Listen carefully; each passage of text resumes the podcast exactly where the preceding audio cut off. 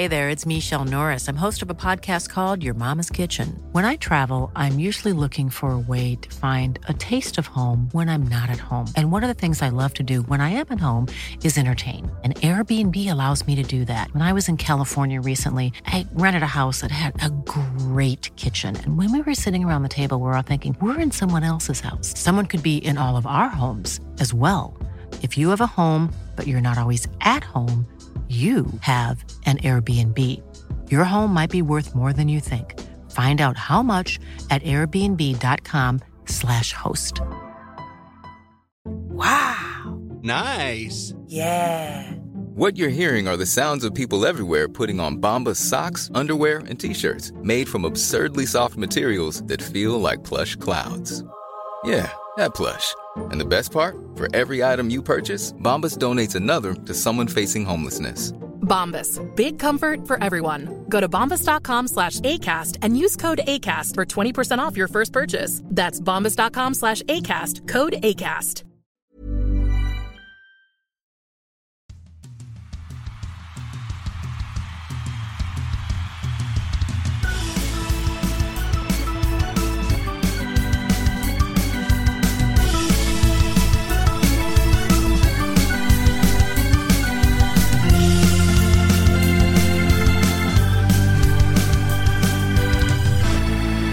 Välkomna ska ni vara till ett nytt avsnitt av Rinkside. Eh, vi, vi, sitter här på, på Clarion Sign i Stockholm och nytt för den här inspelningen är att vi har eh, ganska många vuxna barn i den här gruppen. Dag, Daggen har hittat en ljudeffektlåda. Ska vi, ska vi tacka publiken också för, för att de här lyssnar? Jag tänker bara, tänk vad kul om inte det här spelas in. Då framstår vi som riktiga idioter. Jag vill bara säga så här, jag var ju DJ under ganska många år i Karlskoga, alltså i omklädningsrummet. Och mitt DJ Jag trodde var... du var på, på, på krogen. Nej, inte på, inte på, också. men jag hade ju DJ, DJ Lime hette jag då, då hade jag önskat att jag hade sån här setup och bara kunna köra lite så här ljud och Ja, det, det var ju faktiskt oväntat roligt bara för att det var lite ljudeffekter för att starta den här morgonen. Vad, eh, hur mår ni grabbar? Bra! Eh, bra kväll igår, eh, Hovet fullsatt, bra match, bra hockey. Eh, en omgång som vi liksom så här, som Hockeyallsvenskan har varit nu på de senaste veckorna liksom. Vad, vad, Frågan var hur du mår ja det är sant, Mm. men jag tog in Hockeyallsvenskan, Ja. det, det är lite som mitt mående. Du är Ja, Hockeyallsvenskan. Mitt mående är som lagen lite upp och ner, om man säger så. Jag har småbarn hemma så ibland Ja. sover jag dåligt, ibland sover jag jäkligt Pissmorgon bra. igår hörde jag att det var. Det var en jäkla pissmorgon. Det var två barn som inte ville samarbeta och sen stressat i tåg, kommer i alla fall hit. Så det är kanske därför jag var lite snurrig nu här på den här morgonkvisten. Hur, hur är det med Fredrik då? Tackar som frågar, bra, vaknade för tidigt, klockan sex. Jag tror att jag börjar komma upp i någon sån här gubbfas och sen när, när man bor på hotell. Så att jag har varit produktiv på morgonen och ni som brukar attackera mitt morgonhumör ser att jag, för mig är det ju efter lunch nu rent normalt liksom. Ja. Så jag är ganska fräsch. Vi, vi ska ta en bild och säga på det här, men, men är det inte så att man kan inte riktigt tänka sig Fredrik i de där lurarna som han har på sig, att det, det känns lite som att det, de hör inte hemma där. Nu är han på det igen. Ja. Nu är han på Ja, det. Ja, vad, vad tror ni?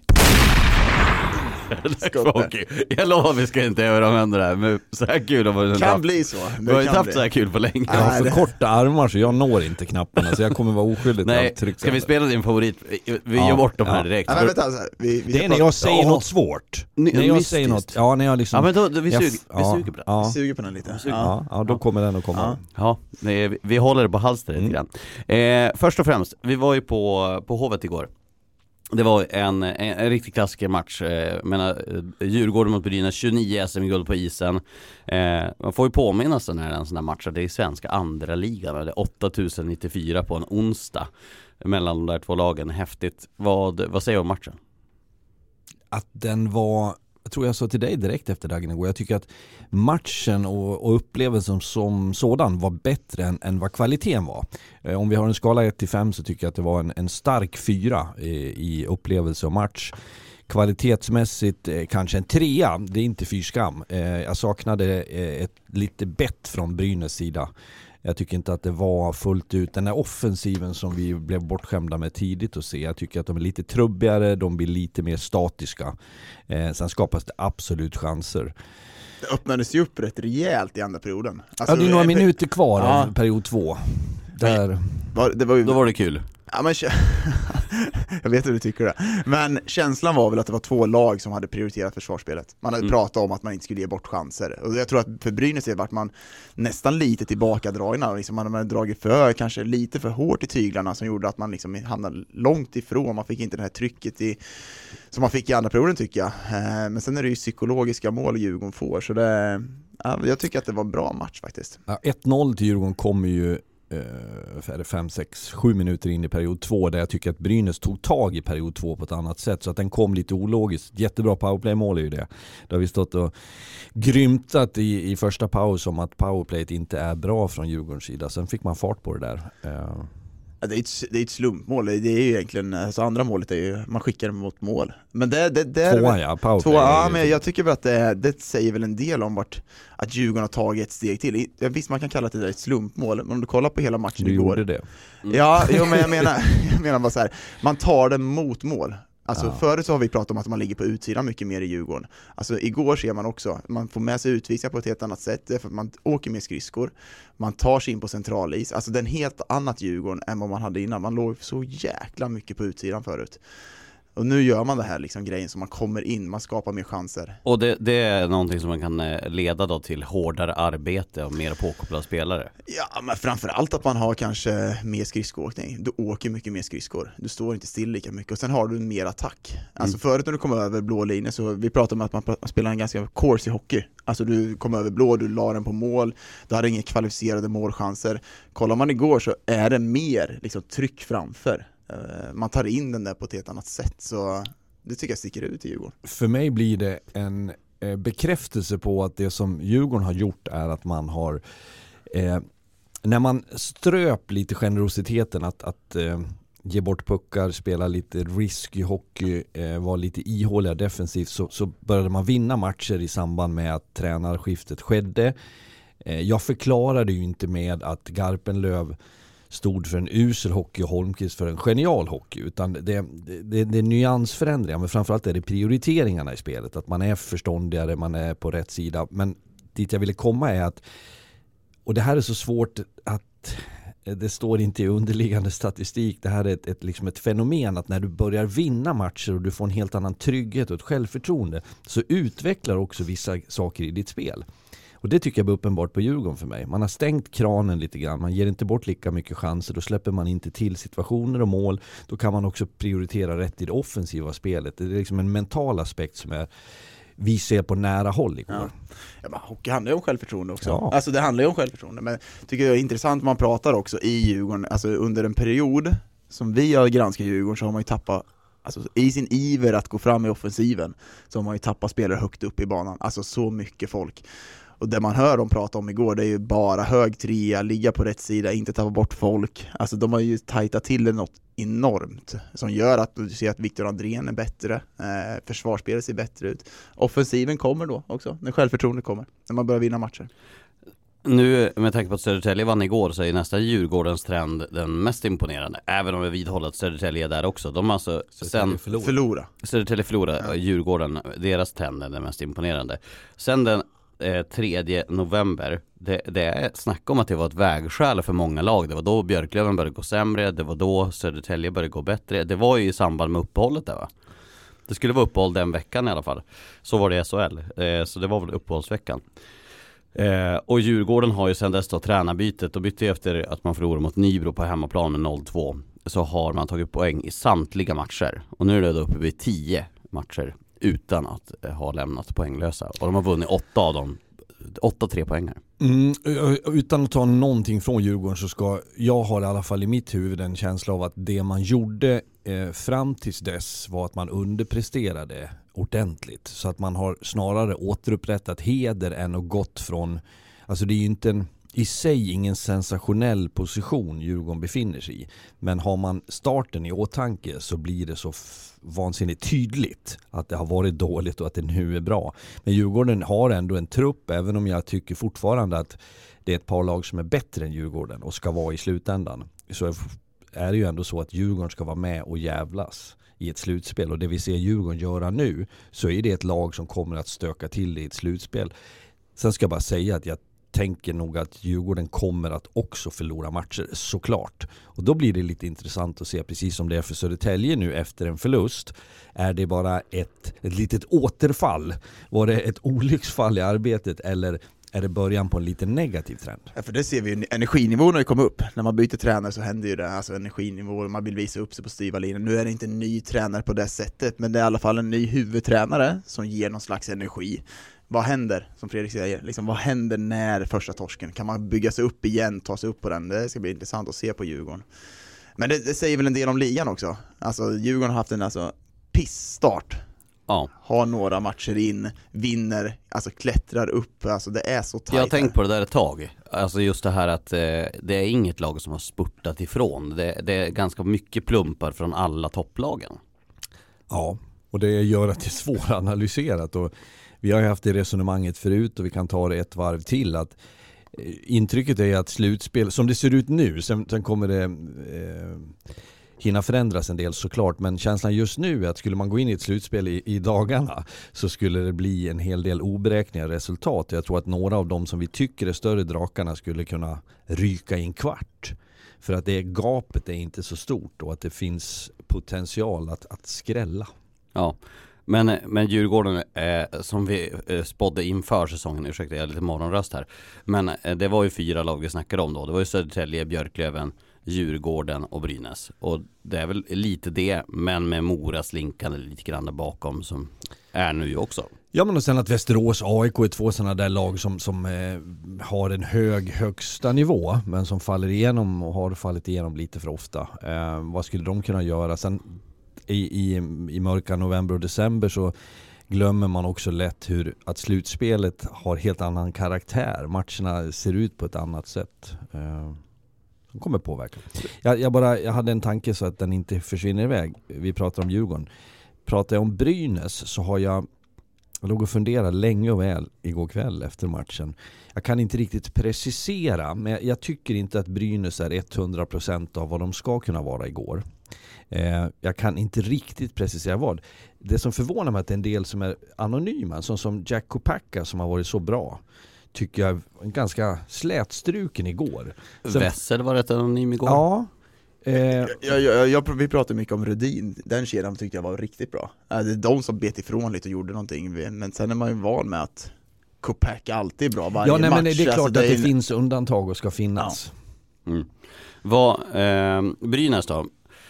Nu har de ju borta en del backar. Bertilsson vet vi inte hur det är med, men han fick ett skott i ansiktet i matchen mot Karlskoga. Vi vet ju inte om det är allvarligt eller så, men han spelade ju inte igår. Och det är klart att det är ett jätteavbräck också. Det är ligans bästa plus minusspelare. Ja, och jag, en liten kul grej, men när vi pratade med Niklas Hjellstedt före matchen så...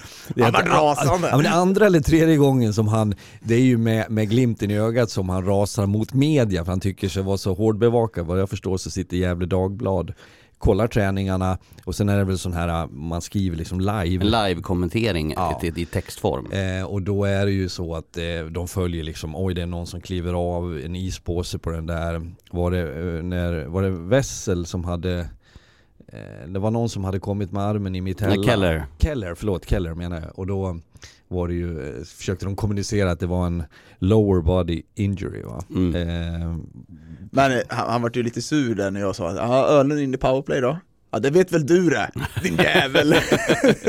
Han, var lite, han var lite förbannad där på Jag, jag, jag kan ju säga, jag som jobbar i mediebranschen har gjort länge och väl, att eh, Niklas Hjellstedt får nog leva med den tiden vi lever i. Det är väldigt svårt att dölja saker. Sen fattar jag att man inte vill kommunicera skador, men många Majoriteten av alla SHL-lag har ju en eller nästan två tidningar som sitter på varenda träning. Så att, Det att det ska missa saker på en träning, det är ju... Nej, men sen finns det en, en, en faktor som är, är eh, viktig att att nämna i det här. Vi pratar ju faktiskt om det med Hjellstedt och det är att Jag förstår att man inte vill, eh, vill kavla ut Skador skador, då, för det är det du ska komma Jag in är på väg dit. jag. Eh, att, att eh, precis som alla människor eh, i samhället när det gäller sjukdomar och skador och det du söker hjälp för i vården så är ju det faktiskt eh, eh, någonting mellan patient och doktor Mm. så att säga. Eh, ibland Patientskydd. Ja, och att man, man eh, vi, vi, tycker att det är en självklarhet för vanliga människor men, men vi har en tendens att vi ska ha detaljer, gärna eh, snaskiga detaljer kring skadade eh, eller sjuka hockeyspelare.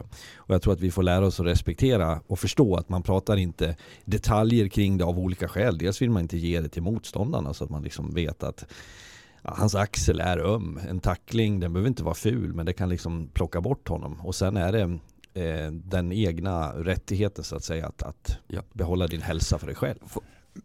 Kör. Får jag bara flika in då, för att eh, om man jämför då vad tidningen skriver så är det ju det för att det är väldigt många av deras fans undrar hur är det med Bertilsson, hur ja. länge kommer han att vara borta? Det är ju så det är därför fråga ja. också. Jo, jo, men jag ja. ringer ju inte till, eh, till Skanska och frågar, fan gick det med han Lasse som cyklade omkull på väg till jobbet igår? Eh, och då berättade de hur det ligger till. Nej, men för att förklara då medias sida så är det inte jättemånga i kafferummen i, runt om i Gävle som undrar hur det går för Lasses axel. Det är ganska många som undrar hur det går för Bertilssons. Jo, men det finns ändå, ändå relevans i det, att man, inte, man måste ha en förståelse för att även hockeyspelare har Såklart. ett privatliv och en, och en rättighet till sin kropp. Jag förstår. Det, det vill jag bara som motpart säga att det är ju fortfarande någonting, vi sitter och diskuterar. Du är journalist. Ja men allmänt men, folk sitter och diskuterar mm. hur länge blir bort Bertilsson borta. Ja. Men apropå det där med, det har ju det har verkligen tagit ett steg till, alltså lokala, de gör ett jäkla bra jobb måste jag säga, alltså rapporteringen från alla arenor finns ju, man kan gå in på vilken lokaltidning som helst så finns det jäkligt bra.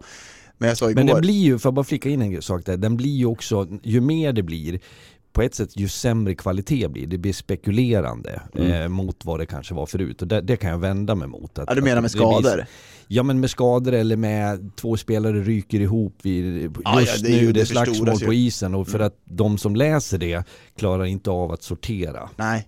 Men det, det, det, påminner mig lite som jag sa igår, jag berättade en historia när vi mötte Västervik, mm. när de spelade lite sämre divisioner och vi, då var inte lokal liksom media där på matchen, vi hade en försäsongsturnering eh, vi vann med 2-1 tror jag, då ringde Karlskoga-tidningen efteråt, bara vad blev matchen? Äh, 7-1 Det var ingen som visste, det var inga sociala medier eller någonting, det var 7-1 eh, Vi kunde ljuga hur mycket vi ville så det, det har ju trappats upp verkligen. Ja. Men kort om Brynäs bara, jag tycker att det finns, vi pratar om offensiven i Brynäs, alltså en jäkla bra jäkligt bra, men jag tycker att det finns en enkelhet i deras sätt att spela också. Alltså de spelar ganska, men sen så tror jag att man hade pratat jävligt mycket om trycket på Hovet, inte ge bort chanser som gjorde att man blev passiv igår, som drog tillbaka hela laget. Jag tycker under andra perioden släppte man upp det lite mer. Och jag tror man hade fel ingång i den matchen. Eh.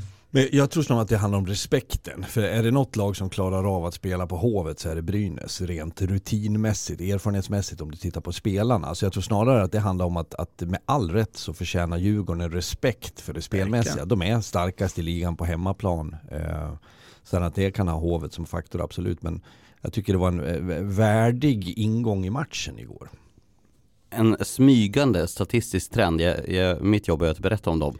Eh, Gissa vem, eller gissa när senast Marcus Kryger inte gjorde en poäng?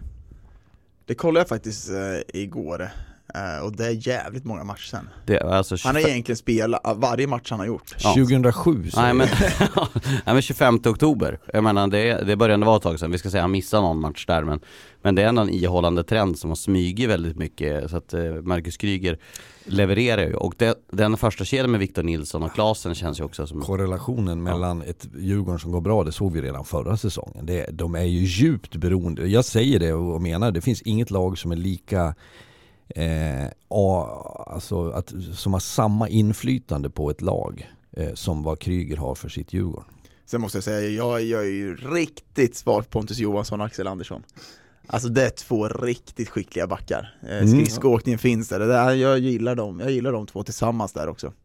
Ja, det, vi hade ju det i en paus också, så vi, vi såg det redan igår, vi har pratat om det förut. De är bra. Mm, så det är, bra. det är en öppen dörr, men jag förstår din poäng. Ja.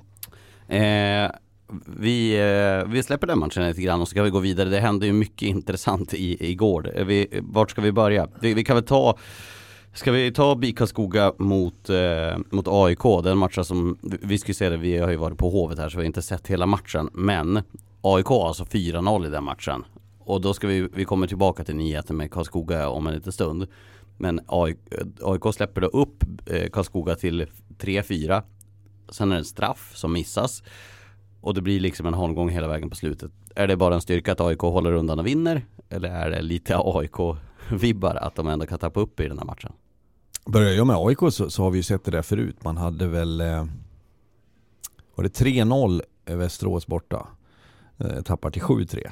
Eh, Just det. Stämmer det? Kanske fela på 7-4. Nej. Eh, och det där är ju, det, det kan ju bli sår och sånt där. Har det hänt en gång att du har tappat en, en klar ledning så, så, så blir det, stressen kommer lite snabbare. Jag undrar om inte det smyger sig in lite, man blir lite skön. Eh, man tycker att man har kontroll på matchen, man går ifrån sina principer lite grann. Man, man fuskar lite grann i, i vissa detaljer. Eh, och samtidigt som Karlskoga i det här fallet hamnar i ett läge där man det har vi varit i både Ingen du och förlora. Nej, det är bara man pratar om heder och nu jävlar ut och, och, och kriga oss till. Så kommer första målet, andra. Så, så känslan på AIK är ju, det landar ju ändå i att starkt man håller undan, man får sina tre poäng. Och så får man försöka hantera det där med video, med fakta, med resonemang i gruppen för att det där ska inte behöva ske, att det blir så. För det, det är väl dess- dessutom så när det står 3-4 så är det en missad straff. Ja, exakt. Ziyech. Ja. Eh, men eh, Karlskoga, de är ju i klaveret nu. Vi ser i tabellen att det är två lag i Västervik och Östersund längst ner. Sen är det ett litet glapp på en åtta respektive sex poäng upp till Karlskoga. Som sen då har, om jag tror det är sju poäng, upp till nästa lag som är ovanför. De har vunnit två, två matcher och tagit fem poäng på de åtta senaste matcherna. Och det är ba, bara mot Västervik och Östersund. Och nu fick vi då se i veckan att eh, Johan Schog får sparken. Schultz. Schultz, förlåt, eh, Schultz fick eh, sparken som assisterande tränare. Och in kommer Telander, den före detta välkända profilerade Karlskoga-spelaren som du ju såklart och känner väldigt väl. Får jag bara, innan, innan du pratar nu Dagen, jag åkte tåg eh, till Stockholm eh, och satt och pratade med en, en, en tidigare väldigt skicklig hockeyspelare som jobbar med hockey på annat sätt idag. Jag ska inte outa vem det var som, som uttryckte sig lite härligt befriande. Men så, så, ja men såg du Bofors då? Sparkar hjälptränare, vad fan är det som händer? Eh, jag, jag tycker det är ett, ett skönt perspektiv på det för att det är ju någonting som var smått otänkbart förr men som faktiskt har förekommit lite på, på senare år. Så att, eh, en, en, en parallell beskrivning till Vi vad ska du ju sa. bara säga att du åkte ju från Leksand, det finns ju några Ja, det finns några att hockeyprofiler välja att på. välja på. Ja men det är ju grannen, det vet du, det är ju han och det Och är han ju klev av hans- på Arlanda så jag ger eventuella lyssnare en chans att återkomma. Vem var mannen? Vi har bara 932 personer kvar att sålla på. Vem, Alla- hörni, alla- hörni, hörni, vem var spelaren? Där kom den.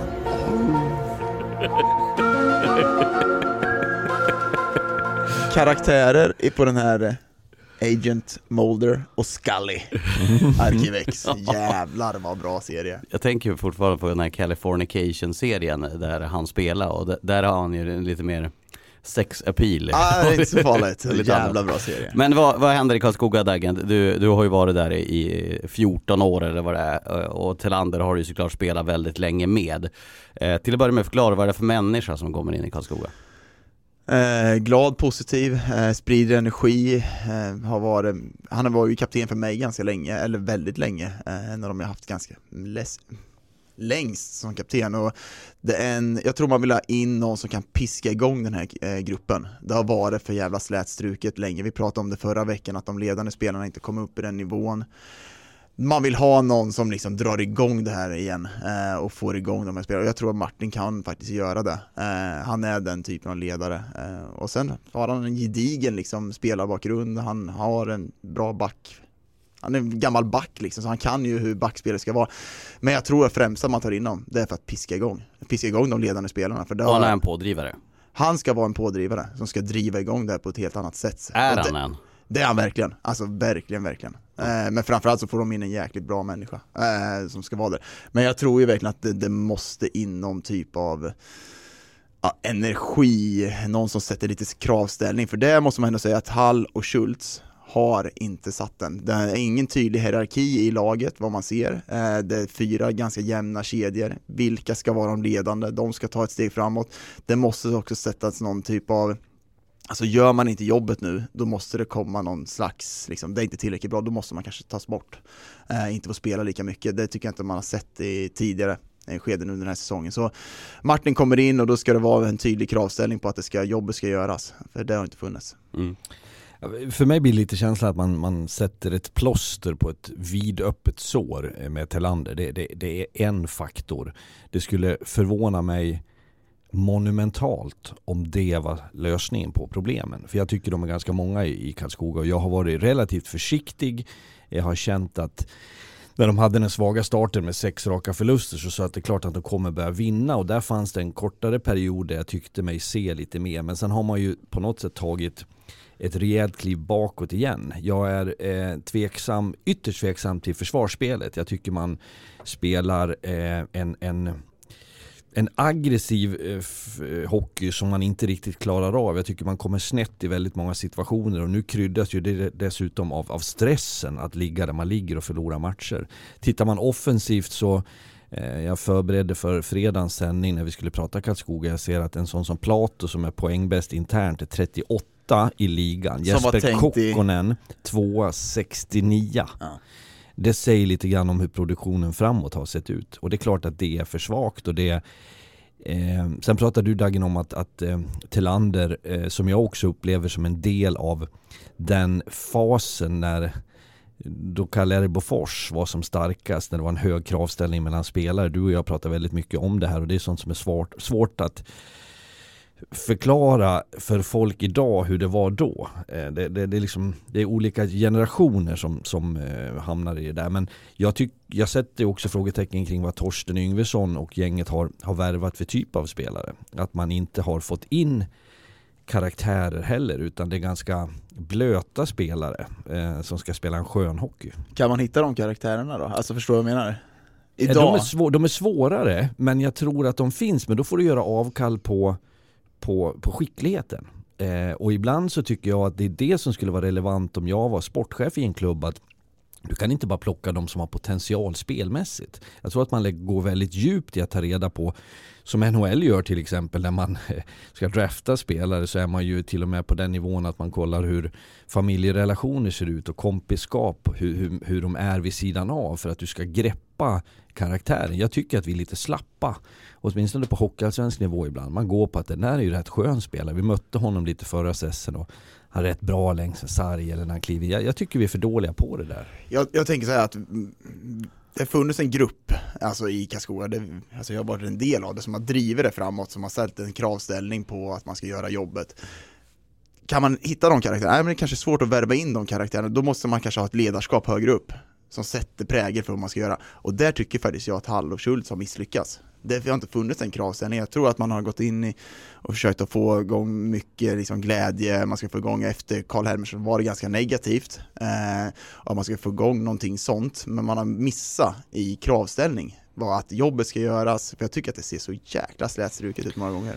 Ja, jag, jag, jag har för lite insikter i Karlskoga men jag vet att det är många tränare som, som går på fel stig som du är inne på Dagen med att man, man vill behålla en, en god relation till sina spelare. Eh, samtidigt ska jag ta tränare i försvar för att det har också förändrats i att det du förr kunde göra när du kunde, nu pratar jag inte bokstavligt talat, men tränga upp en spelare i ett hörn och verkligen vara rak och ärlig och tydlig och spelarens reaktion var att okej, okay, det där var ett varningsskott jag vet vad de förväntar sig, nu är det dags för mig jag får tugga i med det där, jag får se till att, att, att förändra min karaktär.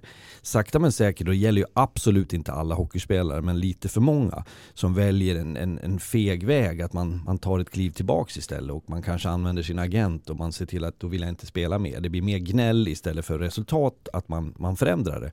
Eh, så att det kan, det kan också vara svårt, men Ledarskapet, ja, så här, det är nästan en filosofisk tanke men jag tycker vi har gått åt ett håll där vi tittar mer på playbooken, på spelidén, på att vara konsekventa och bygga något över tid och för lite att jobba med människor. Att, att, att, att forma människor, att, att pusha dem, att driva dem till en utveckling. Och den där balansgången är ju, menar jag, nyckeln till att du ska göra goda resultat. Det, det, måste ju vara, eh, det är också lite barn av vår tid. Att jag menar nu kommer alla upp som är 20 plus och har, ja ännu yngre när det är ännu värre med agent och du har en scout och du har en rådgivare. Du har, det är så långt det är så långt mellan spelaren och tränaren för du har föräldrar, och kompisar, det, det, det, är så många lager. För när spelaren åker hem efter matchen, där vet jag att vi har pratat med, med dig och Harald mycket om att när spelarna åker hem efter matchen då pratar de med sina kompisar, med sin familj, mm. med sin agent och så sen då med eh, kanske någon rådgivare eller en draftad av ett NHL-lag så ska de tycka vad de tycker och så sen då efter det att det gått eh, nästan 12 timmar, då kommer du tillbaka till hallen. Då har du pratat med lagkompisen innan och sen kommer tränaren. Ja, nej, men du har helt rätt där Lars, och det, jag tycker det är relevant. Det, det här har ju skett i olika steg. Daggen, det, det, är ju, vi pratar ju i närtid. Vi pratar ju 5, 10, 15 år tillbaks. Jag tror jag berättat någon gång, jag får härliga stories från, från min far som var spelare på 60, 70, 80-tal i Leksand. Det finns någon story, jag vet inte hur sann den är, men den, den är underbar och återberättad efter någon träning, dag före en match, så hade man suttit på konditori Siljan i Leksand och så var det diskussioner kring powerplay. Så var det två stycken som ville stå på ett point. Ehm, och de fick gå ut på parkeringen bakom och göra upp och sen när de kom in så var det klart vem som skulle stå på point. Ehm, säkert lite skarvad men den säger lite grann om mentaliteten att man, man underkastar sig andras skicklighet. Man förstod att okej, okay, för att summan av det var framgång för ditt lag och att jag fick vara med på den resan, jag fick vinna ett SM-guld eller jag får vara ett topplag. Jag tolererar att någon spelar mer än mig, spelar första PP. Idag har vi ett mer individualistiskt samhälle och det är ju någonting som, som vi bara måste hantera. Men det, det är väl det, alltså, vad är det viktigaste? Alltså vi pratar om självförtroende. Alltså självförtroende får spelarna att vara så jävla, de tror att de är bättre än vad de är. Man kan lura dem lite. Eh, vi hade ju, alltså vi byggde ju så Karlskoga på ett sätt att man liksom, man jobbar upp spelaren. Vad kan vi göra för att han ska kunna bli så bra som möjligt? Så fort som möjligt. Alltså det krävs att du liksom, nej men jag bara säger så här att självförtroende är A och O du måste få ner axlarna på dem, det är det du måste jobba med. Eh, jag tycker man har misslyckats med det också. Alltså det är den enda invändning som jag, eller reflektion jag har kring Tillander och in, eh, och du pratar ju om det, jag förstår din poäng fullt ut att han ska piska igång dem, han ska, han ska driva igång dem, men det är också vad det är för typ av karaktärer som spelar. Svarar de på det? Eller blir det också det kan komma ett obehag av det om du inte är den personligheten. Förstår ni hur jag menar? Ja men vissa, vissa mår ju bra av att få en piska, vissa blir bara sämre av det. Ja, och, och det ska bli jätteintressant att se vad var liksom potentialen. För jag, jag tycker ju inte att Karlskoga ska vara ett topp 5-lag. Eh, det har jag inte sagt någonsin när jag tittar på materialet. Men jag tycker inte att de ska vara indragna i allra högsta grad i att försöka undvika botten 2. Det, det, det är ju långt under godkänt. Ja, ja, ja, ja, ja verkligen. Men jag, jag tycker att det är fel karaktärer på äh, många av de ledande spelarna. Ja och då är min frågeställning, kan Telander... Ja precis, det ska bli intressant att se ja. om man kan få igång de här. Eh, man kan prata mycket som helst om, om kravställning, men köper de inte det tänket, men då, då kanske det är dags att man liksom, ja men tack och hej. Mm. Ja men jag det tror ju mer bra. på, det tror jag sa senast, om inte jag gjorde så gör jag nu. Det, det jag tror att lag som hamnar i de här lägena, om man inte sitter på pengar och handlar så kan du alltid göra det av med någon. Mm. Och då kan någon säkert som lyssnar på det här känna att är det en bra arbetsmiljö? Det är elitidrott vi pratar om. Och, ja. och, är det då du har en rutten potatis i säcken eh, så blir hela säcken fördärvad så är det klart att då, då får du plocka bort den spelaren. För mig som har eh, lantbruk i familjen så var det där en väldigt bra liknelse för då sprider sig väldigt bra Rötan i säcken Rötan sprider sig eh, Ja men, eh, men Karlskoga, vi, vi ska ju dit på, på fredag och göra Karlskoga mot Björklöven så då har vi anledning att komma tillbaka till Umeå. Ska vi till Umeå Lars Ja men vi ska ju göra Karlskoga det är för tidigt på morgonen för att ni ska vara så petiga för det här. Det kommer att bli Fredrik. Och vem är anklagad för dåligt morgonhumör i det här gänget? Ja, jag har faktiskt sällan dåligt morgonhumör, men jag är bra på att parera folk som har. Det är för att du vaknar klockan 10, det anses ju inte som morgon. Ja men om man har småbarn och blir väckt 04.00 varje natt och man får sova en natt, då måste man få sova till 8. Somna om, är det det bästa som finns? Att säga, nej, jag behöver inte gå upp. Jag kan somna om 20 minuter, en halvtimme till. Jag är en människa som gillar att gå upp och bara ta tag i det och bara gå upp och käka frulle och bara sätta sig och snacka lite med Söderström. Iron Man här. Ja, den, den, eh, profilen är byggd skulle jag vilja säga. Eh, har ni något att tillägga om Karlskoga förutom att det, det har varit för dåligt både starten och den senaste tiden? Ja och, och som du är inne på att imorgon är det Björklöven, eh, eller när man nu lyssnar på det här, fredag kväll är det Björklöven mot Karlskoga. Jätteintressant att se, man kommer kasta ett öga i båset eh, till Anders sätt att agera på. Också lite relevant att se hur, eh, hur Dennis Hall reagerar på det, för jag, jag kan tycka att det måste vara, jag har inte varit med om det själv, att man byter ut en assisterande tränare, men lite olustig känsla. Johan Schultz är i, i grund och botten en, en, en fin, bra människa jättebra. som har gjort ett jättebra jobb i Karlskoga genom åren, har du sagt och många på hockeygymnasiet där. Eh, nu får han han får liksom smyga ut bakvägen, Dennis står kvar. Det, det måste finnas en olustig känsla i Dennis kring det. Jag har det inte pratat med honom om det. Ja, ja nej, men absolut. Hey there, it's Michelle Norris. I'm host of a podcast called Your Mama's Kitchen. When I travel, I'm usually looking for a way to find a taste of home when I'm not at home. And one of the things I love to do when I am at home is entertain. And Airbnb allows me to do that. When I was in California recently, I rented a house that had a great kitchen. And when we were sitting around the table, we're all thinking, we're in someone else's house. Someone could be in all of our homes as well. If you have a home, but you're not always at home, you have an Airbnb. Your home might be worth more than you think. Find out how much at airbnb.com/slash host. Wow. Nice. Yeah. What you're hearing are the sounds of people everywhere putting on Bombas socks, underwear, and t-shirts made from absurdly soft materials that feel like plush clouds. Yeah, that plush. And the best part? For every item you purchase, Bombas donates another to someone facing homelessness. Bombas. Big comfort for everyone. Go to bombas.com slash ACAST and use code ACAST for 20% off your first purchase. That's bombas.com slash ACAST. Code ACAST. Eh, jag tänker att vi ska gå till ett annat lag som har det kaotiskt eh, när vi ändå är inne på ämnet. Det är ju Västervik. Jag menar, som igår hade vi en ny sån här match. Vi, det var ju bara en vecka sedan som de mötte Karlskoga. Det blev 5-6 efter förlängning. Igår så blev det 4-5 efter förlängning och det spretar till höger och vänster och man har liksom ingen styr på det. Men Västervik och Östersund, de är ju på allvar riktigt illa ute. Vi pratade förra veckan om Västerviks ekonomi. Nu eh, är de ju cementerade där i botten. Ja, och man hade ju faktiskt chansen nu eh, mot Karlskoga. Östersund hade chansen att ta dem, eh, jag sa att de hade ganska bra spelschema. Tar man inte chansen att göra och liksom bita i lite, att man kan ta sig närmare Karlskoga just när Karlskoga förlorar också. Sen har Karlskoga några poäng upp till nästa plats, så det är viktiga matcher där för dem. Viktor Öhman ligger ju inte på latsidan, sportchefen. Nej. Han gör Eh, grejer. Det är in och ut, det är in och ut. eh, Det ska jag ge honom. Eh, Niklas Falk har ju en diger uppgift. Eh, Hade Harald Lyckner, vår tidigare kollega, suttit här så hade han pratat om det här med FIRO. Eh, hur en grupp reagerar när någon ny kommer in och så. Det känns som att det, det blir aldrig riktigt lugn och ro, men så har ju Västervik haft det i flera år. Men jag ser nog ett Västervik som spelar Frågan är om inte de tänker att sättet att slå lag är att få de här matcherna som får mig åksjuk när jag tittar på dem.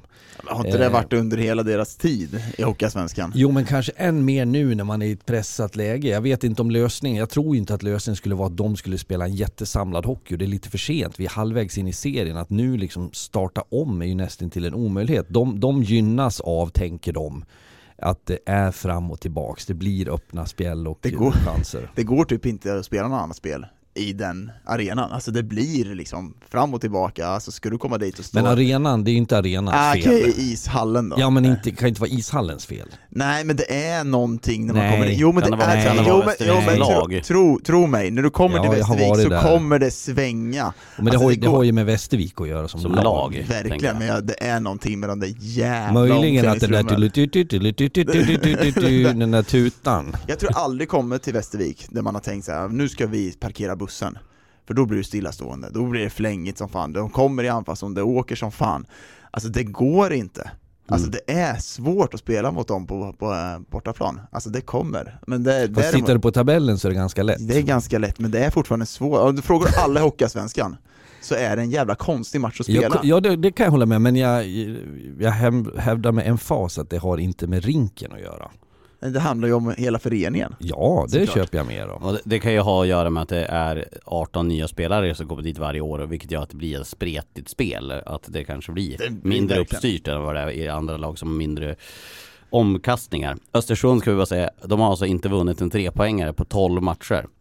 Jag såg också igår att, eh, nu såg ju inte vi den matchen av förklarliga skäl, men i, i samband med Almtunas 2-1 mål så ville man ha det till att det var en, en utvisning. Ja. Eh, jag såg att Elias Bjur och marknadssidan där var ute i sociala medier och sa att jag, jag skriver sällan något men nu var jag förbannad. Jag förstår att de blir förtvivlade och man tycker att allt studsar emot men det, det sämsta Östersund kan göra är att börja prata om att det är domarens fel eller att det studsar emot. De måste ta ett omtag. Det är inte kört men det ser väldigt illa ut. De har gjort 52 mål. Men det är väl också, vad- ska de göra nu? Vi pratade om det, de har tagit in källan nu. Ja, vad, ska hända nu då? De ska ju in med en spetsspelare nu gick de ut med på so- sociala medier under onsdagen och sa att de samlar in pengar till en spetsspelare men vad- det ska vara för spets vet jag inte. Sen så tycker jag att det säger en del också vart man liksom, att man inte mår så bra när Josef Ingman liksom kommer för sent. Vad är det, fem, sex gånger nu, blev avställd från match två gånger. Eh, nu spelade han igår men ja, det, det är problematiskt i, i Östersund. Han hade problem med mat och sovklockan eh, i, i eh, Örnsköldsvik också så han kanske behöver köpa en ny väckarklocka. Ja, sen ska jag väl säga så jag tycker att Ingman har varit ganska bra när han eh, har spelat. Eh, sånt här kan ju ha andra bakomliggande faktorer. Människor kan eh, må dåligt eller det kan finnas, finnas saker. Sen, sen det som når oss när man bara säger att ja, man kommer för sent, man försover sig så är det klart inte bra. Eh, men eh, Östersund har en, en, en diger utmaning framför sig nu. Jag hade, jag hade en spelare som, eller Karl Persson, jag outar honom i Malmö. Ja, Han försov sig alltså till klockan fyra match. Fattar du? Samlingen är två. Försov sig Jag är inte till... dugg förvånad. ja, Otroligt. jag pratar inte om honom utan jag har också upplevt det där. du, har väl, du har väl också haft dina, din beskärda del av spelare som har missat Ja, saker? och jag har varit med om, vi ska faktiskt bussa från Oskarshamn tror jag till, eh, ja, om det är, nej inte Umeå, Mora var det nog. Eh, och så ser vi, vi åker tidigt på morgonen vid sju och sen är, saknas det två spelare som bor grannar. Eh, och jag ser chansen att, drömmen var att bussen går sju. Är ni med så är ni med, är ni inte med så åker vi ändå. Då lyckades spelarna, och det ska jag ge dem att det är ju goda vänner då, då lyckas de liksom förhala Eh, någon springer in och ska hämta en sista trunk, de lyckas få med en materialare på att du måste plocka ut en ny klubba, så kanske ett par minuter efter sju så kommer de här två bor nära eh, rinken springandes. Eh, så tack vare sina lagkamrater, men de fick en duktig duvning i bussen kan jag säga. Och det där var ju mer en principsak förr. Sen kan man ju, det här tycker jag är en intressant diskussion för att eh, hade det här varit för 15-20 år sedan så, så var det inga tvivel om att du, bussen åkte. Det, det, det, liksom, det, har ju, det har ju blivit ett, ett blötare klimat. Men där är, snack om att det är någonting som hade kanske behövt för, eh, som läropeng att vi håller tiderna, håller man inte dem, då får man faktiskt skylla sig Ja, själv. nej, men jag, jag har till och med åkt, åkt ifrån spelare. Är du inte där så är du inte där. S- Se framför mig när Söderström sitter och skrattar och springer bakom bussen. Ja, nej, jag själv säkert varit som yngre också. Alla människor försover sig. Sen får det inte vara tio gånger. Vi pratade ju om, eh, om Almtuna mot Östersund. Almtuna vann ju den här matchen. Ni har ju en uppgift till idag. Att Mm. ta ut, eh, ni sa ju har förra podden. på, på morgonen Mm. lite har vi gjort. Ni ska ta ut två eh, kandidater var om vem som ska träna Almtuna Ah, nästa jag, säsong. jag, jag lovade fem namn och så skulle jag ta tre, du skulle ta två. Men nu hade vi ett, ett, ett lite annat resonemang kring det. Men vi kan Jag gav ju dig ett igår. Så jag, jag, Vad var det? Ja men om du inte kommer ihåg det så ska jag nej, säga men det. då, Då, börja med ett namn du då. Ja men jag sa det att om, om Mikael Holmqvist då ska fortsätta som huvudtränare, om han är för, för bra för att gå tillbaka till assisterande, skitbra byte. Men det här pratar vi, hade det nämnts i något sammanhang? Jag tror Sanny och Svensson pratade om det i podden, men jag, jag tycker faktiskt att det kan vara, det skulle faktiskt kunna vara en bra idé att Mikael Holmqvist går till Almtuna eh, och tar över det tränarrollet. Så jag hade han som ett namn, eh, ett av dem. Så Mikael Holmqvist är ett då som kan vara Mm. potentiell huvudtränare i Almtuna. Sen vet jag inte om han är så jävla sugen. Vi pratar om hur attraktivt är Almtuna idag som tränare. Ja, det, är, det är inte det och det, det är lite ledsamt för att det rent konkret sportsliga, hockeymässigt så finns ju någonting tilltalande. Ehm, för det finns fördelar, om jag börjar med fördelar med att det är ett ointresse i Uppsala. 449 på det är plats ju igår det. Det är bedrövligt, de förtjänar så mycket mer. Men det gör också att du kan på ett mycket lugnare sätt jobba med en, en potentiell utveckling över tid. Det är mycket större tolerans på lite motgångar, på en dålig period, på att saker och ting går tungt. Det är ingen som bryr sig. Det är ingen som reagerar. Det, det finns det faktiskt en fördel i. Men om du som tränare ska tilltalas av ett uppdrag så vill du ju känna stimulansen att det är passionerade fans, det finns en kravbild, du vet att eh, du kommer få stå på torget och svara på frågor om inte det funkar och du kommer att hyllas om det går bra. Det får du inte i Uppsala.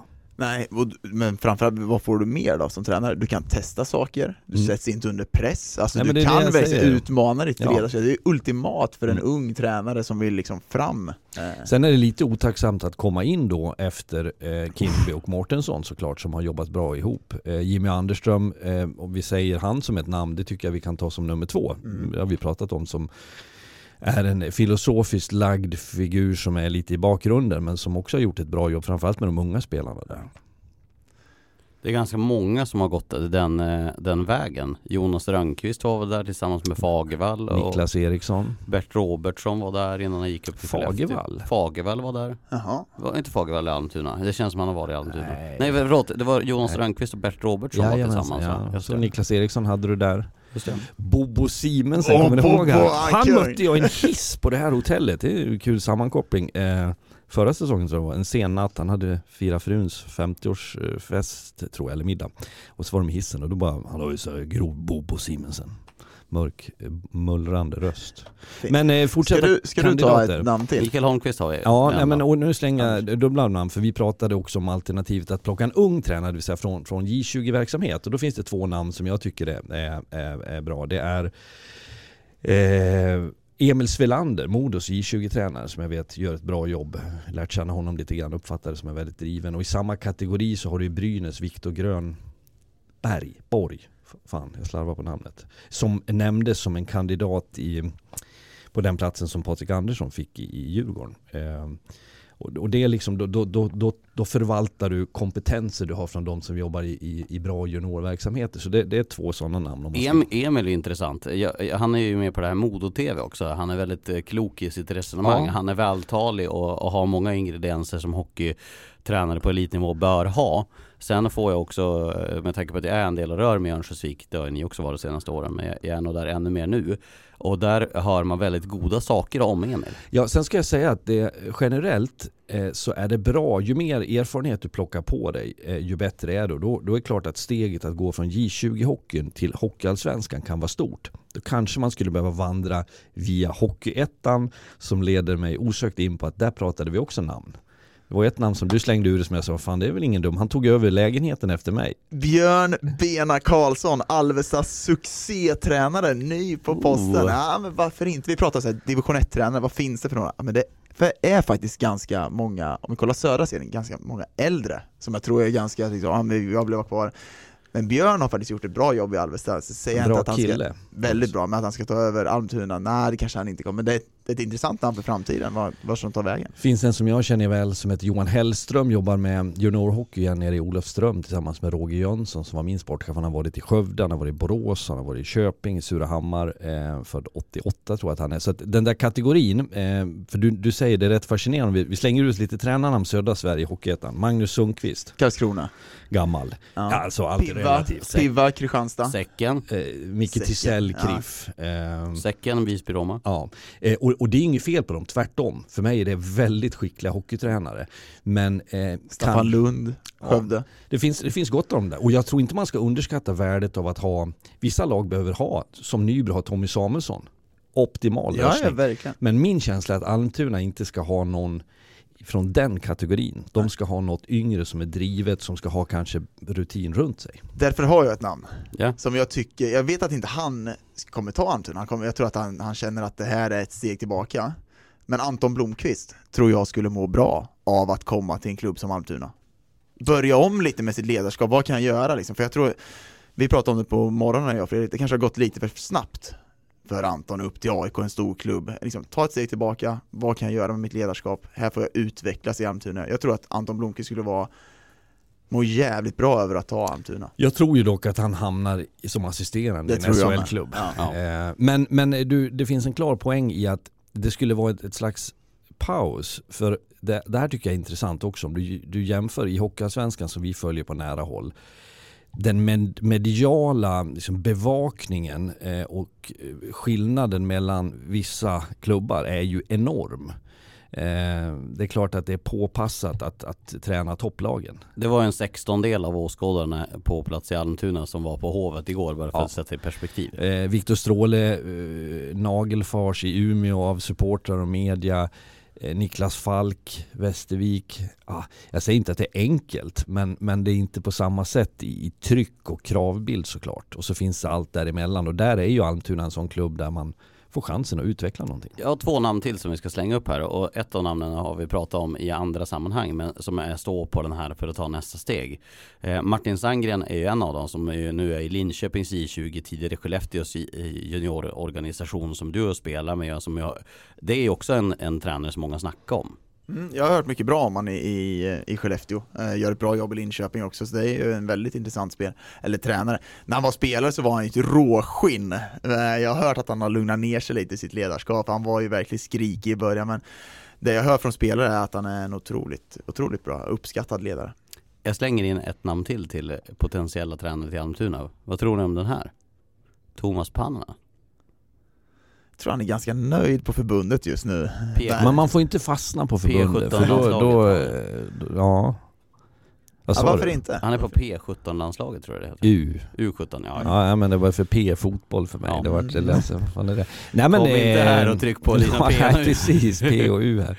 Eh, nej men Pannanen eh, tror jag inte vart riktigt rättvist bedömd. Jag slänger inte han under bussen även om det var jag som var ute i tv och sa att han borde få sparkad för hans skull om ni kommer ihåg det. Men året innan det var ju han det stora snacket om vem som skulle bli nästa SHL-tränare. Ja, nej, jag har inga tvivel om att Pannanen har kapacitet men det är som du säger, han har det ganska bra på förbundet kanske. Eh, nej, men det ska bli intressant att följa det där, vem ja. som landar i Uppsala. Ska vi ta Björn Bena Karlsson, kom on! vi får se, vi får se. Nu taggar du ner. Vägen, akta så det inte blir den här. Bomben. Oj. Den där låta bli knapparna ja, nu grabbar. Det är för roligt. Jobbigaste poddavsnittet Ja, jag tror folk kommer ha migrän efter det. Vi ber om ursäkt. Vi ska släppa de där knapparna nu. Ska vi ta oss till Scania-rinken till, till den häftiga matchen där. Vi har ju pratat eh, oändligt mycket om Södertälje, men de har fasen förtjänar det. För de var riktigt, riktigt bra i fredags mot Mora också. Vi kan börja där innan vi tar gårdagens match som vi inte har sett på plats. Men Södertälje, eh, otroligt bra start i matchen mot AIK förra onsdagen. I fredags förra veckan mot Mora var det väl väldigt bra. Ja, absolut. Jättefina besked från Södertäljes sida. Det jag fascineras av är eh, det kompletta, även om det är ett starkt ord, men att försvarsspelet eh, är grunden till det hela som har utvecklat och eh, hjälper ju Scholl i kassen att, att kunna spela ett bra spel. Eh, sen har man den offensiva spetsen framåt med Videll och Eriksson, Engsund-formationen. Jag tycker sådana som Alba var klart bättre, Bjerselius klev in och var bra den matchen. Det finns många som, som knuffar in någonting och jag tycker att de har hittat en, en helhet i sin prestation. Eh, sen eh, utifrån eh, förlusten mot Björklöven som vi snart kommer in på så inget träd växer till himlen. Det, det, kommer logiskt. Eh, och Björklöven, även om de har haft eh, lite tumult en tid, kanske ett starkt ord men åtminstone frustration i och runt Björklöven så, så är ju den kapaciteten hög så att jag tycker inte att det finns något eh, alarmerande i att förlora den matchen. Nej, Marcus Eriksson borta igår. Exakt. Torsk direkt. Nej då, nej så är det inte. Men jag är imponerande i fredags faktiskt när inte Marcus Eriksson, Videll, Engsund leder laget. Då är det liksom, som du är inne på Fredrik, Alba och de här. Så det, det tyder på att man har en jäkla bredd i det här laget också. Men jag tycker ju att det är prioriteringarna som vi har tjatat om så många gånger som har blivit bättre i Södertälje som är nu, varför man vinner mycket mer matcher. Om någon inte då är hockeytränare och lyssnar på det här, vad menar ni med det? Så att folk förklarar. Vi har ju varit inne med spelet med puck, vad gör man med det? Vart tappar man puckarna? Alltså man var otrolig på att tappa puck högt upp i banan innan man tog in dem i offensiv zon. Gjorde att man ställde sig om två mot ettor mot sig. Scholl och försvarsspelet såg dåliga ut på grund av att man kanske hade en dålig självbild att man skulle vara bättre med pucken, att det skulle gå lite av sig själv. Det har man filat till nu på ett helt annat sätt och det gör att man ser mycket stabilare ut. Jag tycker att man gör det här är ordbajseri på ett sätt för det, det, har i grova drag samma innebörd som du pratar om. Men, men man gör rätt avvägningar. Man har ett konsekvenstänk och förstår att om jag spelar lite skönt här, om jag chanspassar diagonalt här, om jag kladdar vid offensiva blå så kommer det få konsekvenser.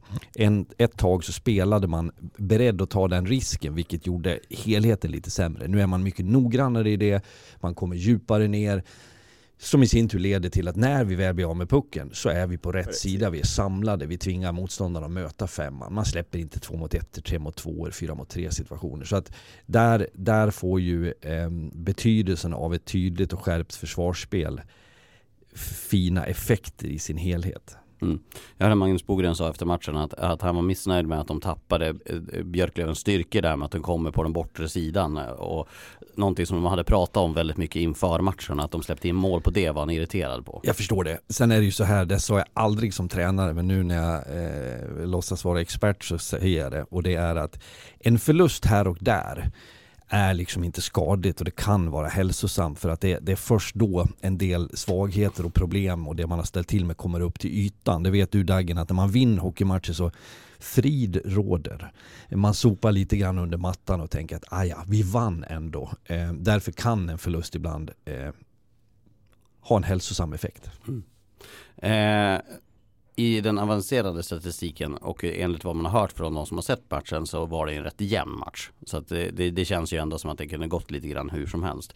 Eh, ska vi ta Björklöven då? Carl-Johan Lerby in i veckan. Varje gång någon säger Carl-Johan Lerby, han har ju varit med länge, så tänker jag, låter som Skidskytte? Ja, eller någon ja. sån här kommunikationsdirektör på Ericsson, Carl-Johan Lerby i en kommentar till Svenska Dagbladet.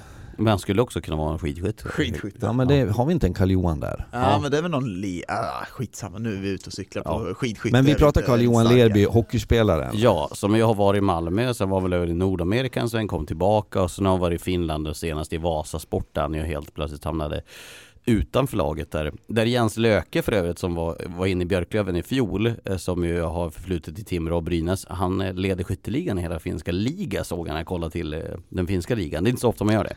Men det med Carl-Johan Lerby är ju intressant. För vi har ju pratat om Björklövens backsida och att de har ju sagt att de ska förstärka med en back.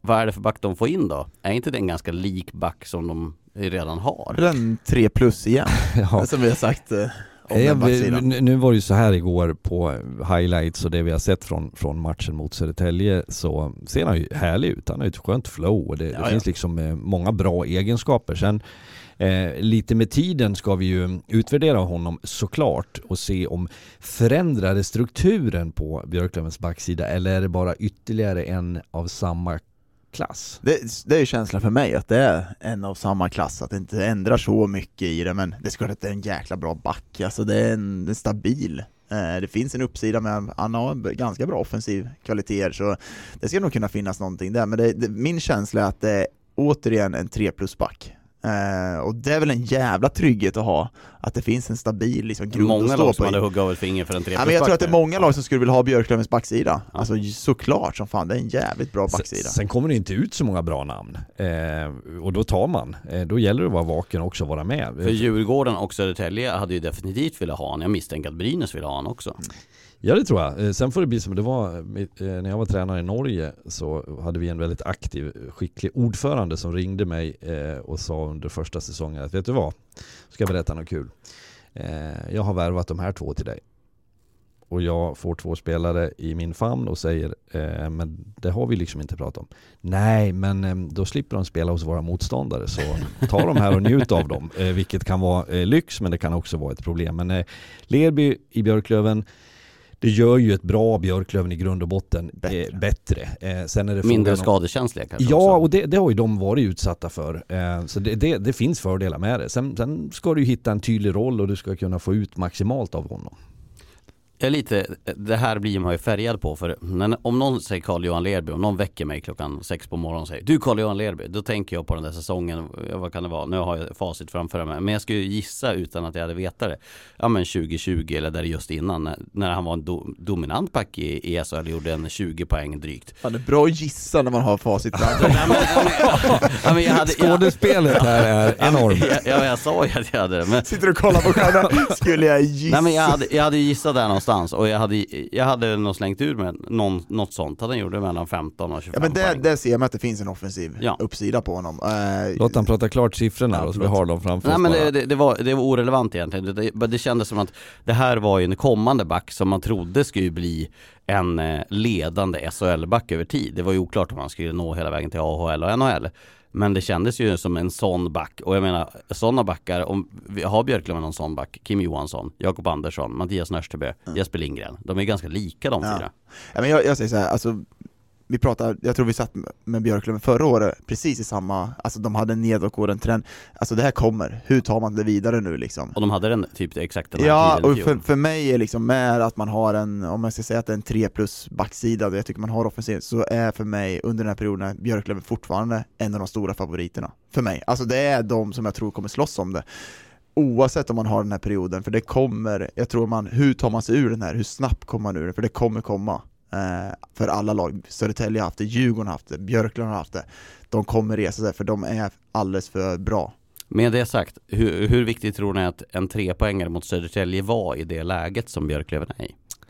Jag tyckte på intervjun vi såg eh, Viktor Stråle efter, det är sällan han är, är liksom känslosam. Och det var han inte då heller, men om jag ska försöka leka någon psykolog så, så läste jag in en tillfredsställelse i honom. Jag tror inte att Viktor Stråle har varit särskilt orolig, åtminstone inte så besvärad som kanske fansen har varit. Men du vet att du får ett lugn med dig, du vet vad det kan ge till gruppen. Vi har pratat länge och väl om Djurgårdens förmåga att vinna en match och vad som kan börja hända efter det. Så att den var av eh, stor betydelse. Jag, jag tycker att den där att man blir, det, det som förvånar mig med att man släpper ut den här intervjun, Men det kändes som det var i Nordkorea, du vet två Ah. amerikaner som eh, pallras upp på ett podium och ska säga att ja, men, vi är skyldiga till alla brott. jag tycker att det skriker lite att man har kanske lite mer, att man har lite mer panik än vad jag tycker man borde ha. Att det borde finnas ett lugn i truppen. Men jag tror i, inte paniken finns hos dem som var på bild.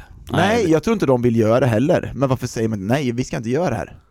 Men- Det här skriker bara mer, liksom att det är... Alltså jag tycker ju att det är smart att, att fejsa ett problem och säga, för de pratar ju inte till Brynäs fans eller till Djurgårdens fans, de pratar väl till Björklövens fans, att de vill liksom kommunicera att så här ser vi på, på, på problemen, de lyfter ju också upp de irritationsmomenten som eh, personer som ställer frågorna de får ju ändå möjlighet att bemöta den kritiken. Jag hade velat haft, bara för att tillägga det där, vem var det som ställde frågorna? Vad heter eh, presschefen eller? Vad?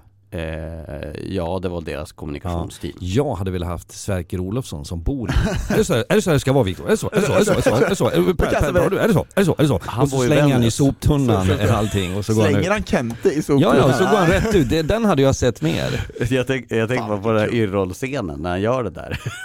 Men det hade ju varit fanta- fantastiskt om man har en pressad situation där i Björklöven. De tar in Sverker och gör den. Är det så? Vet du vad jag tycker om dina jävla skitsaxar? Nej, men det, det är väl såklart att det är bra att man kommunicerar, alltså, självklart, men det sänder mig ändå signal att det finns en, att man har lite panik än vad jag trodde man skulle ha. Eh, och det säger mig också med att Wiklund går ut i den intervjun och säger i media, alltså mot Stråle, det säger också att man är, som inte är kanske i samklang i, mellan tränare och, och spelargrupp. Det Victor Stråle hade sagt i en intervju var ju att eh, han, ty- han tyckte att den eh, pressen som kom från fans, att det hade blivit, att det påverkar spelarna.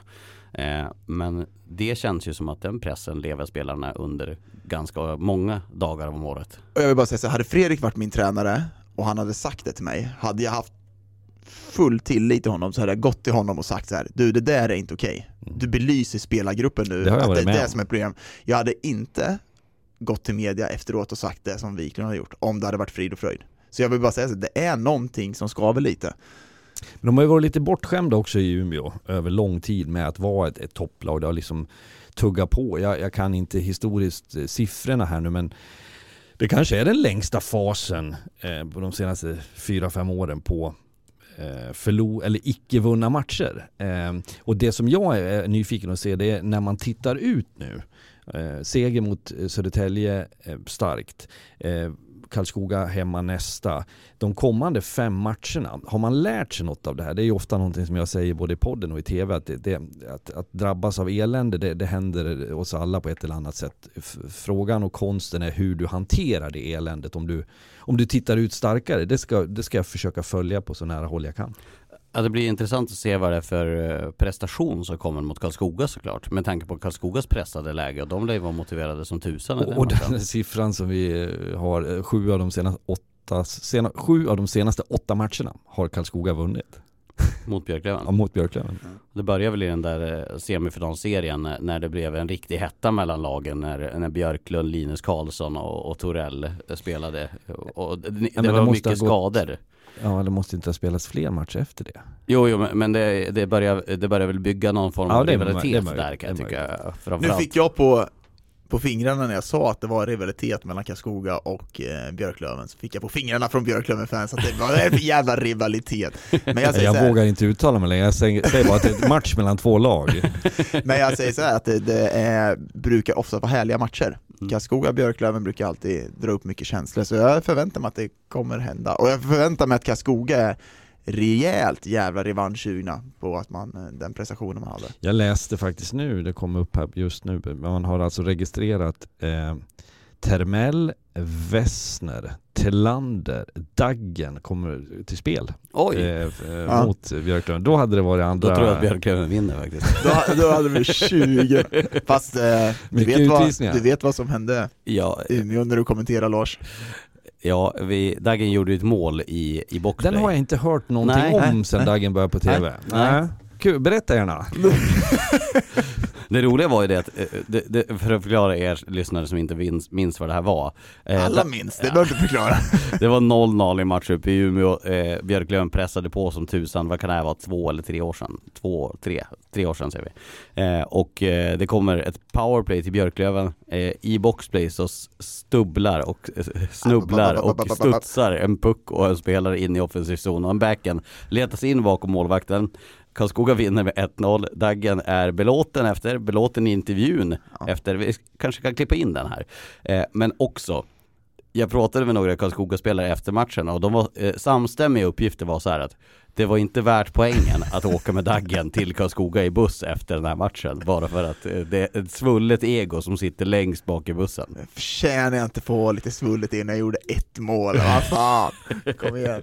Fredrik! Jag unnar dig det Daggen. Du satt längst bak i bussen va? Ja, jag hade en säng längst bak. Ja.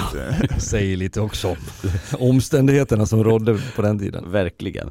Eh, Fredrik eh, gav en idé om att vi skulle ta ut varsitt lag som vi har ett frågetecken kring eh, och vad som ska göras inför den här helgen och lite grann läget som folk är i. Eh, har ni någonting där? Eh, Fredrik, vill du serva då, du som har eh, lagt upp den här som förslag? Eh, ja men det kan jag göra. Eh, det är klart att det finns ju lite eh, överallt sådär. Alla, alla lag har utropstecken, alla lag har frågetecken. Men om man ska rycka en ur hatten så eh, AIK, eh, som vi har sett både upp och nedgångar av. Ett AIK som jag tycker har ändå vuxit i mina ögon. Så, så är man ju nu med i i tabellen så är det ett ganska liksom tillfredsställande läge. Nu jagas man av Djurgården närmast bakom på samma poäng. Eh, kommer man, vilken väg kommer man välja nu AIK? Eh, vi tycker att det, vilket vi har sagt, målvaktssidan känns bättre. Jag tycker det är mer av den här karaktären. Jag tycker inte det är lika eh, svaga fall, eller hur jag ska uttrycka men jag tycker ändå att man hittar sätt att få med sig poäng i matcher och sådär. Men, men, det är ett intressant läge för mig om AIK ska vara ett lag som knackar på dörren till de här topp 4-gängen och verkligen jagar dem. Och, relativt hemmastarka, eh, man behöver hitta kanske ännu jämnare prestationer. Eh, så min, min, min, mitt frågetecken handlar om AIKs väg från nu. Jag, jag, tar väl från gårdagen då. Eh, jag tycker det säger en del om vart Brynäs är och ett frågetecken för Brynäs är att man ställer Damien Klara.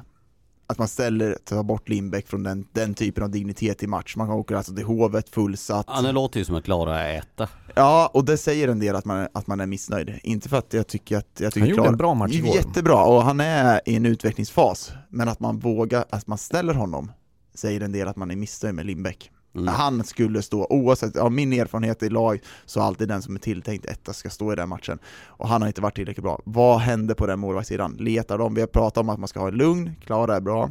Jag tror man letar bara att man gör det eh, harmoniskt i bakgrunden. Mm, verkligen. Mm. Det ska bli intressant att se vem man tar. Ja. Eh, så det frågetecken har jag. Mitt frågetecken är ju relativt, jag väljer en enkel väg här. Men eh, Västerås alltså nio senaste matcherna, vinst, förlust, vinst, förlust, vinst, förlust, vinst, förlust, vinst.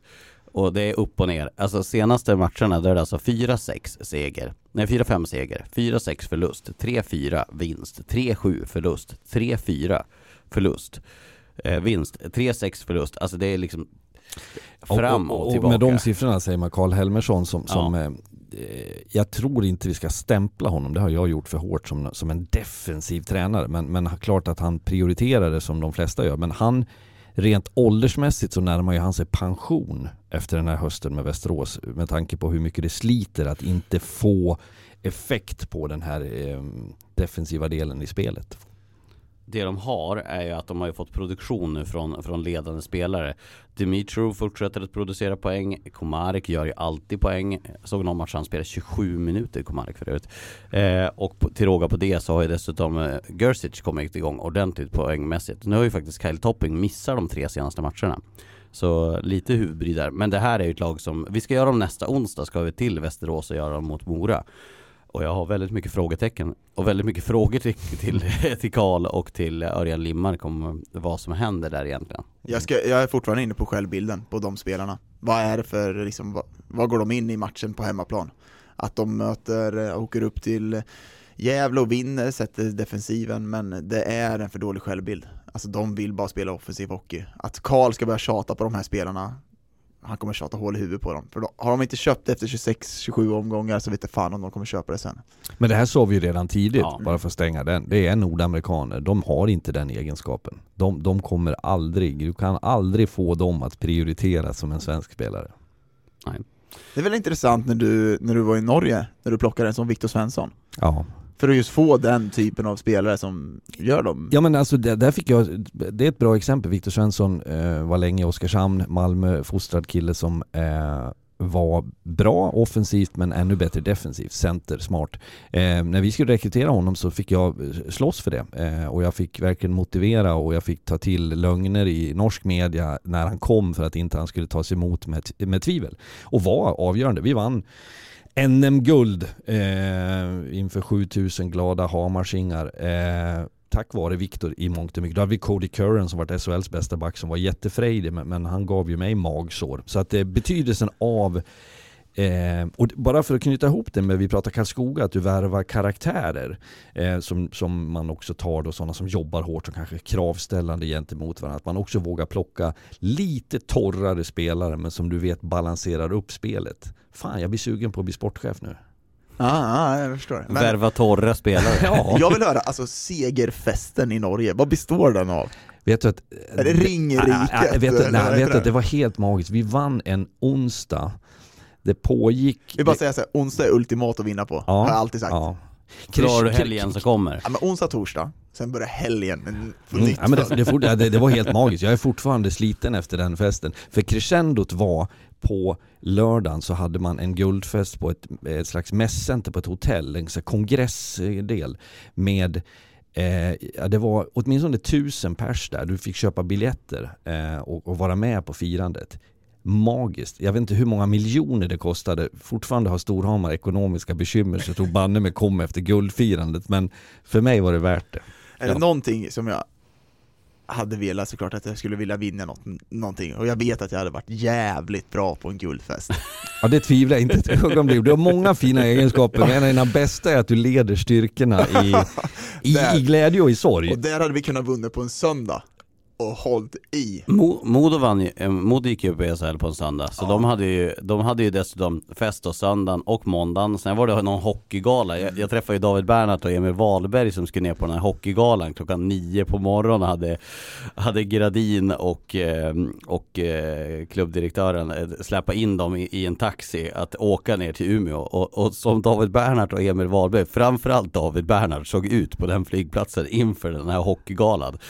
Det, det var en sliten kille kan jag säga. Jag minns hur de såg ut där i Göteborg. Det var inga pigga grabbar. Jag ska tillägga att David Bernhard hade även glömt hörlurarna så han hade ingenting att lyssna på på planet heller. Fan, flygplan då när man är lite skakig, alltså det är jobbigt. Och så vart han intryckt i mittensätet mellan två okända. Men jag ska lägga till en, en till grej som, som vi i Sverige är ja, men dåliga på ska jag säga då, jämfört med andra länder. Det är att man, eh, som i Norge, vart ju vi seriemästare. Alltså vi blev etta i serien i slutet av januari. Det här var OS-år så det skulle bli ett uppehåll. Så, men det var säkert 7-8 matcher kvar, vi hade den marginalen. Det var en söndag hemma mot Frisk Asker, Sune Bergman var tränare.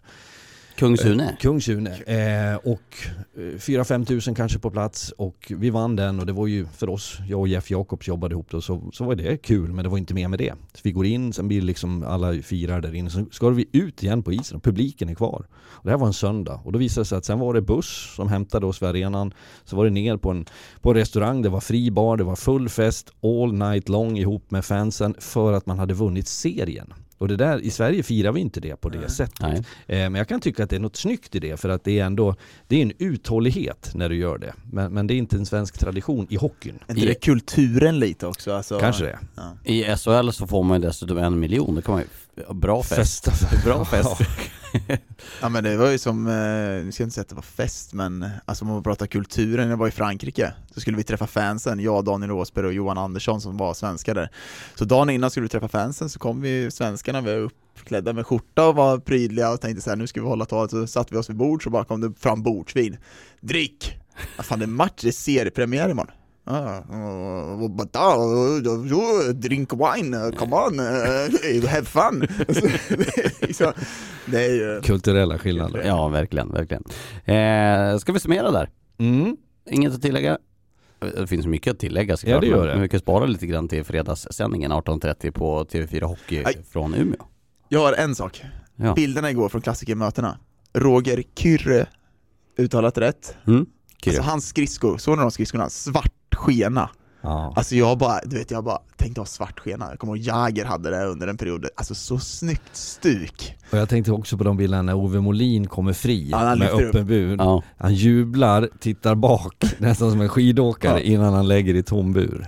Han skjuter en ett, ett ganska bra handledsskott från en decimeter från mållinjen Ja. där också, det, det ska han ha. Fylld av känslor. Ja, verkligen. Det Häftiga måste. Men den är SM-finalen, match 5 mellan, nu var jag för ung för att minnas den så jag såg den inte live, eller såg den säkert men jag minns den inte. Men eh, Brynäs-Modo, femte avgörande i Kempehallen. Det, ni som har varit i Kempehallen vet ju att du står ju på isen i princip. Den var ju häftig. Där hade man ju velat vara. Däremot bedrövliga tröjor på Modo då.